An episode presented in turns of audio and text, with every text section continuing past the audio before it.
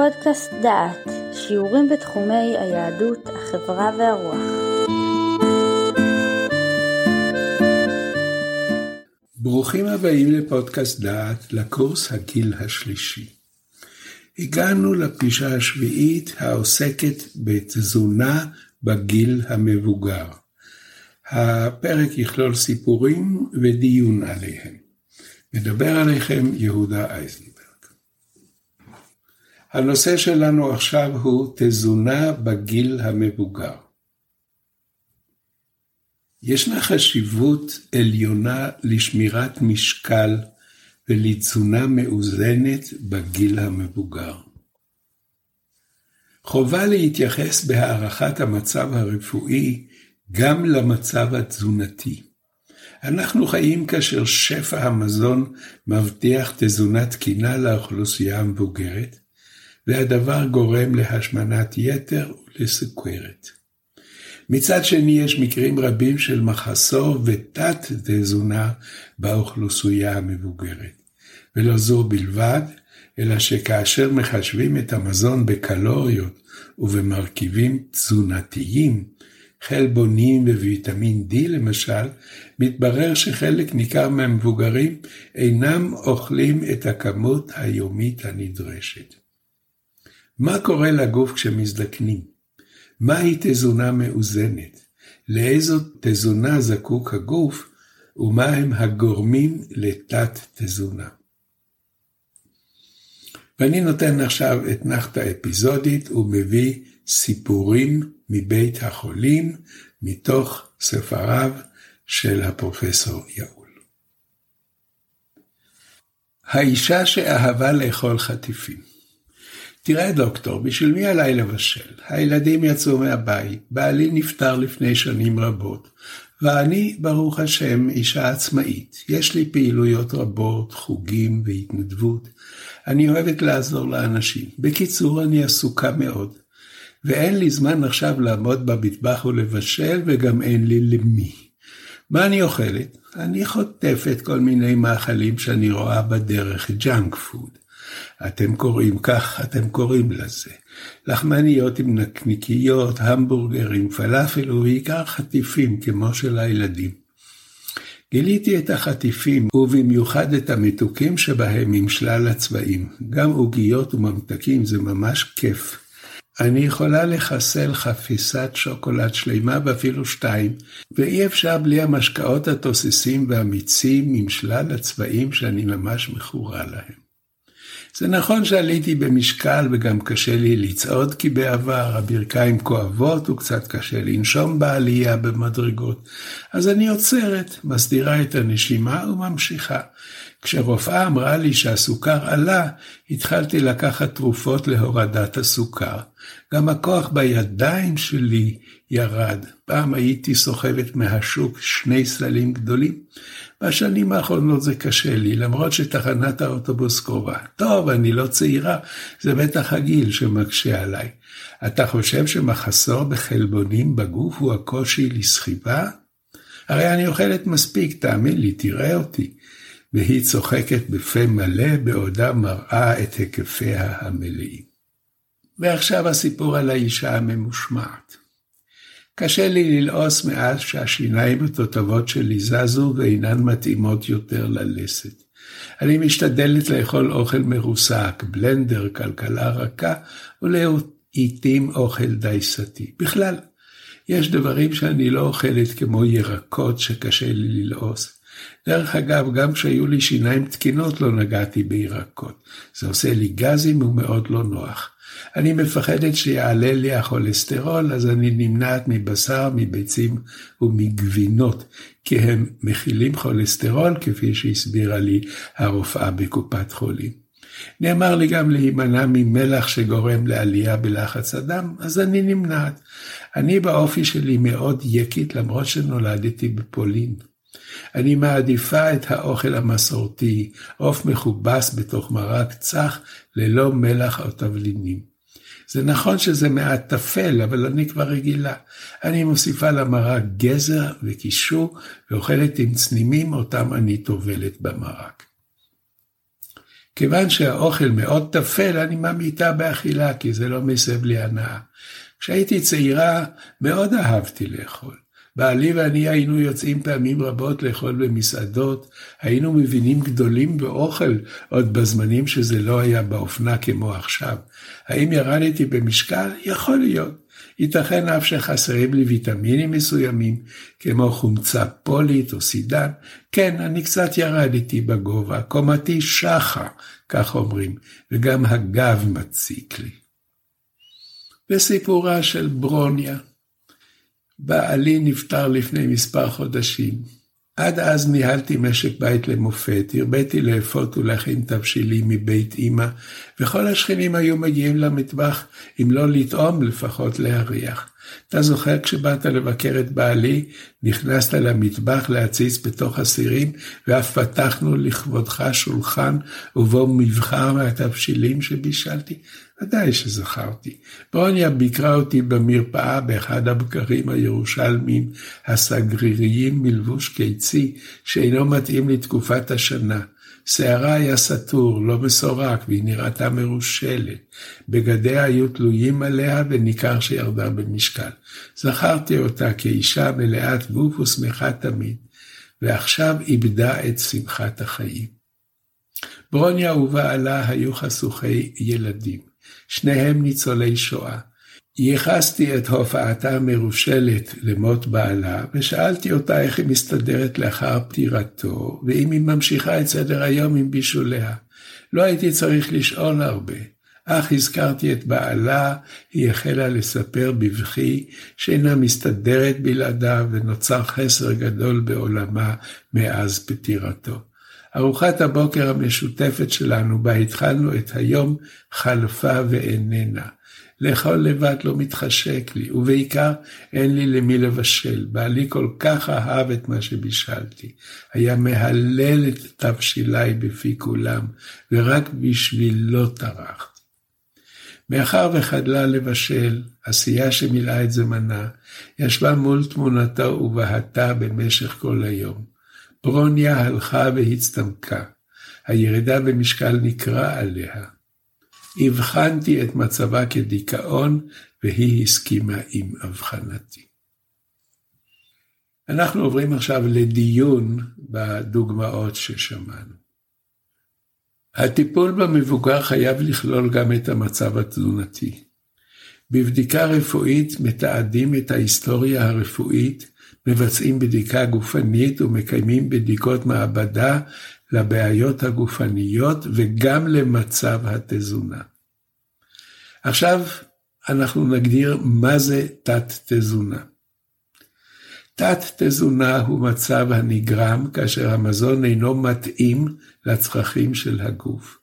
תת-תזונה נגרמת כאשר הגוף מקבל פחות ממה שהוא זקוק בקלוריות, חלבונים, מלחים מסוימים, מינרלים וויטמינים. יש שכיחות גבוהה של חוסר קלוריות או חלבונים באוכל שאנחנו אוכלים. הכמות הנאכלת אינה מדביקה את המטאבוליזם של הגוף. מהו מטאבוליזם הסברנו כבר באחד הפרקים הקודמים. הפיכת המזון לאנרגיה שהגוף צריך כדי לפעול. הצורך המטאבולי נקבע בהתאם לפעילות ולגיל. כאשר אנו ממעטים באכילת חלבון וקלוריות, אנו בתת-תזונה. תת-תזונה נגרמת לא רק בגלל חוסר קלוריות וחלבונים, אלא גם בירידה במרכיבים ייחודיים כמו סידן, ויטמינים ממשפחת B ו-D, חומצה פולית, מלחים ומתכות חיוניות. מה הם התהליכים הפיזיולוגיים המתרחשים בגופו של המבוגר? התהליכים הם השרירים מתחלפים ברקמת שומן. רקמת השומן מצטברת באזור המותניים, ולעומת זאת השרירים בזרועות ובאזור הירכיים מתדלדלים, נעשים קטנים וחלשים. הדלדול בשרירים בידיים וברגליים גורם לכך שהידיים והרגליים נעשים חלשים יותר. נוצר קושי לשאת מסעות ואפילו לשאת את הגוף בהליכה. זה מצב בלתי נעים בעליל. כדי להתמודד עם מצב זה, ככל שעולים בגיל, יש להעלות את כמות החלבון שאוכלים לגרם אחד ליום עבור כל קילוגרם משקל גוף. בניגוד ל-0.8 גרם לקילוגרם גוף בגיל הצעיר. ועכשיו נקודה חשובה. אנחנו משוכנעים שתת תזונה זהה לירידה במשקל. בדרך כלל שניהם מופיעים יחד. ובכל זאת, אפשר להיות בעל משקל עודף ובכל זאת להימצא בחוסר של מרכיבים תזונתיים חיוניים כמו חלבונים, ויטמינים ומלחים. לכן צריך לשים לב כשמכינים את האוכל למבוגר, לכלול בו את מרכיבי המזון הנחוצים. עכשיו אני מכניס מושג חדש. מדד מסת הגוף, BMI, זוהי דרך לקבוע את המשקל ביחס לגובה. מדד מסת הגוף, BMI, מתבטא בנוסחה הבאה משקל הגוף חלקי הגובה בריבוע. וואו, זה מבהיל. מספר זה נקבע כמדד מקובל בעולם להערכה של מצב התזונה. אני מנחש שחלק מן השומעים נע עכשיו בחוסר נוחות על מושבו. עוד פעם נוסחאות, כבר סיימנו את המתמטיקה שלנו.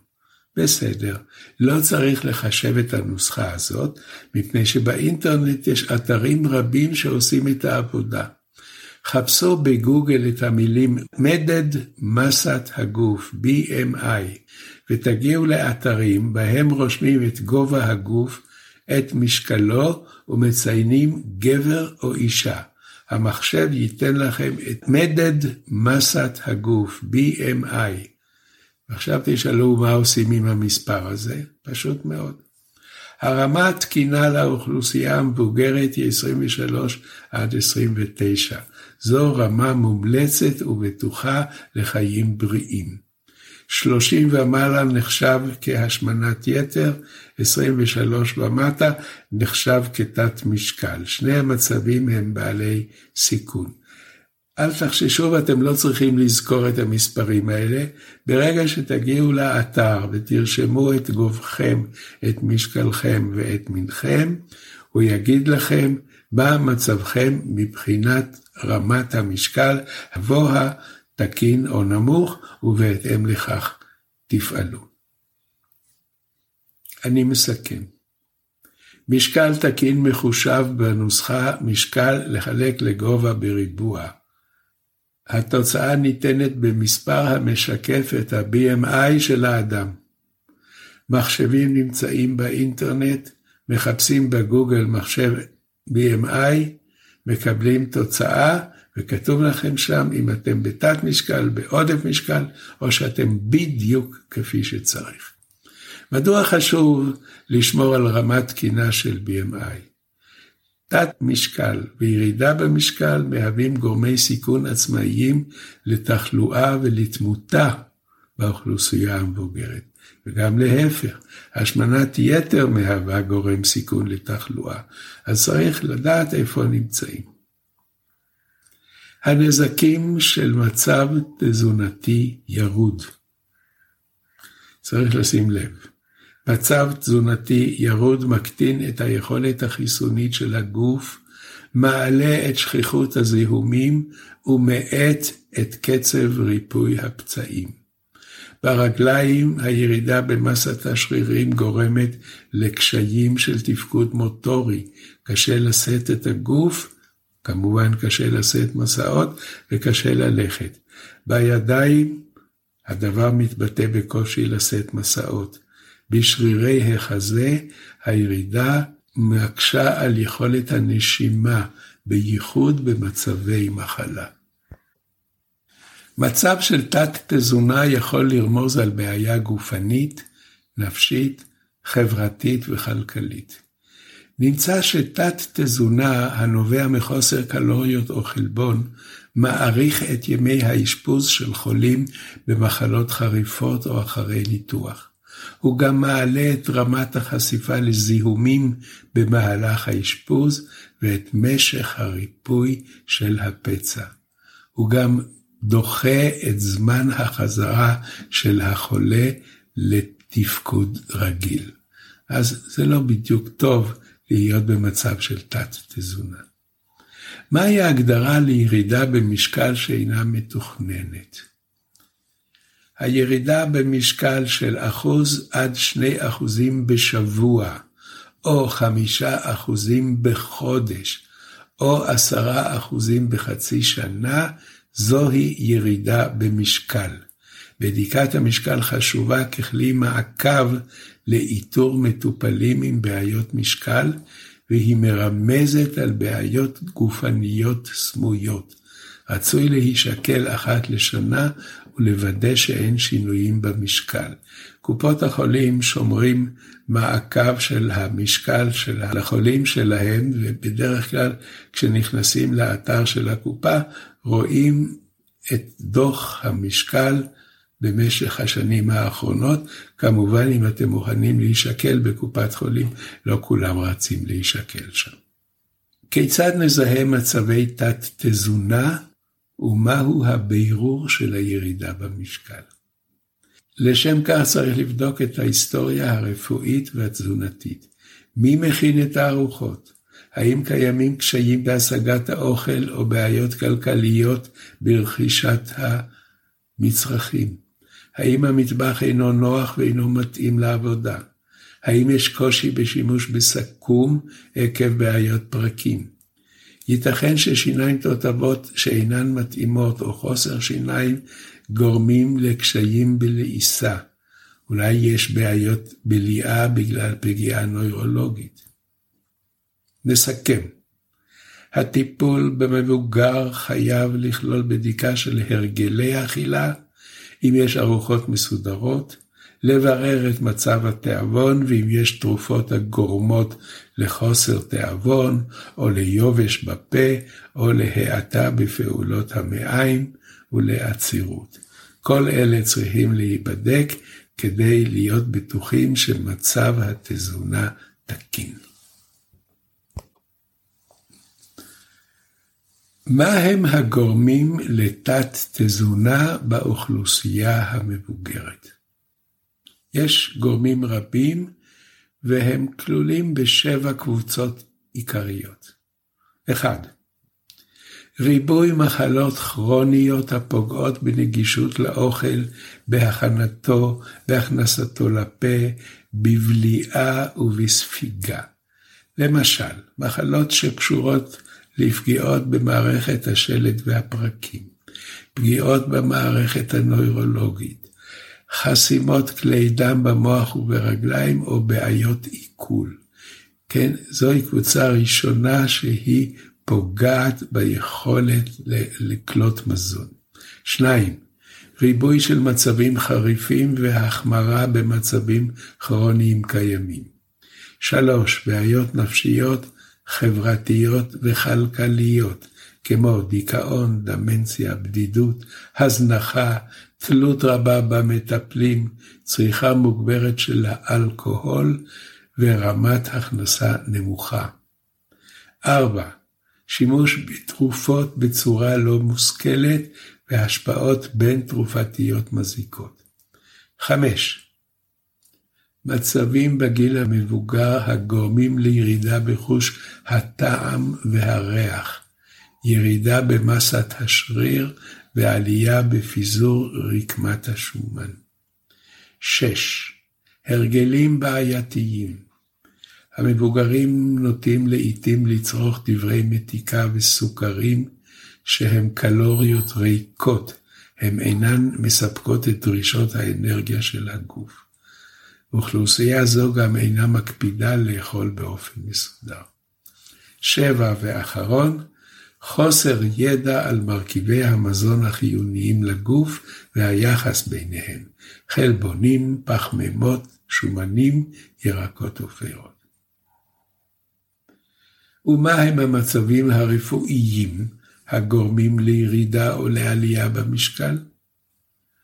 בעיות גופניות גורמות לירידה במשקל כאשר יש פעילות מוגברת של בלוטת התריס, מחלות במערכת העיכול, גידולים ותופעות לוואי של תרופות. ויש גם מצבים רפואיים הגורמים לעלייה במשקל. אנחנו לא נמנה אותם, הקורס הזה לא מיועד לצוות רפואי, אלא לחברי המשפחה המסתכלים סביבם. נאמר רק דבר חשוב אחד, עלייה במשקל דורשת התייעצות רפואית, לא פחות ולא יותר. אנחנו מגיעים לסיכום הפרק. עסקנו בפרק זה בתת תזונה. זה מצב הנגרם כאשר המזון אינו מתאים לצרכים של הגוף. כאשר ממעטים באכילת חלבון וקלוריות, נמצאים בתת תזונה.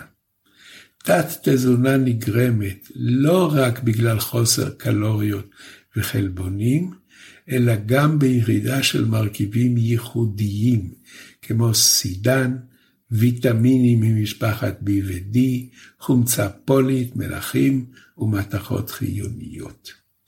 למדנו על המדד המודד את מסת הגוף, BMI, לימדנו אתכם איך מוצאים באינטרנט דרך לבדוק אם המשקל מתאים לגובה ולקבל את המדד של MBI של האדם. שמענו על הנזקים של מצב תזונתי ירוד. מצב תזונתי ירוד מקטין את יכולת החיסונית של הגוף, מעלה את שכיחות הזיהומים ומאט את קצב ריפוי פצעים. מה נחשב לירידה במשקל הגוף? אמרנו, אחוז אחד עד שני אחוזים בשבוע, חמישה אחוזים בחודש או עשרה אחוזים בחצי שנה, ירידה כזאת נחשבת לירידה במשקל שהיא מצריכה עיון ובדיקה. דיברנו כיצד אפשר לזהות מצבי תת-תזונה, מה גורם לתת-תזונה, והזכרנו כי לעיתים מצבים רפואיים גם הם שותפים לירידה או לעלייה במשקל. עד כאן הנושא הזה.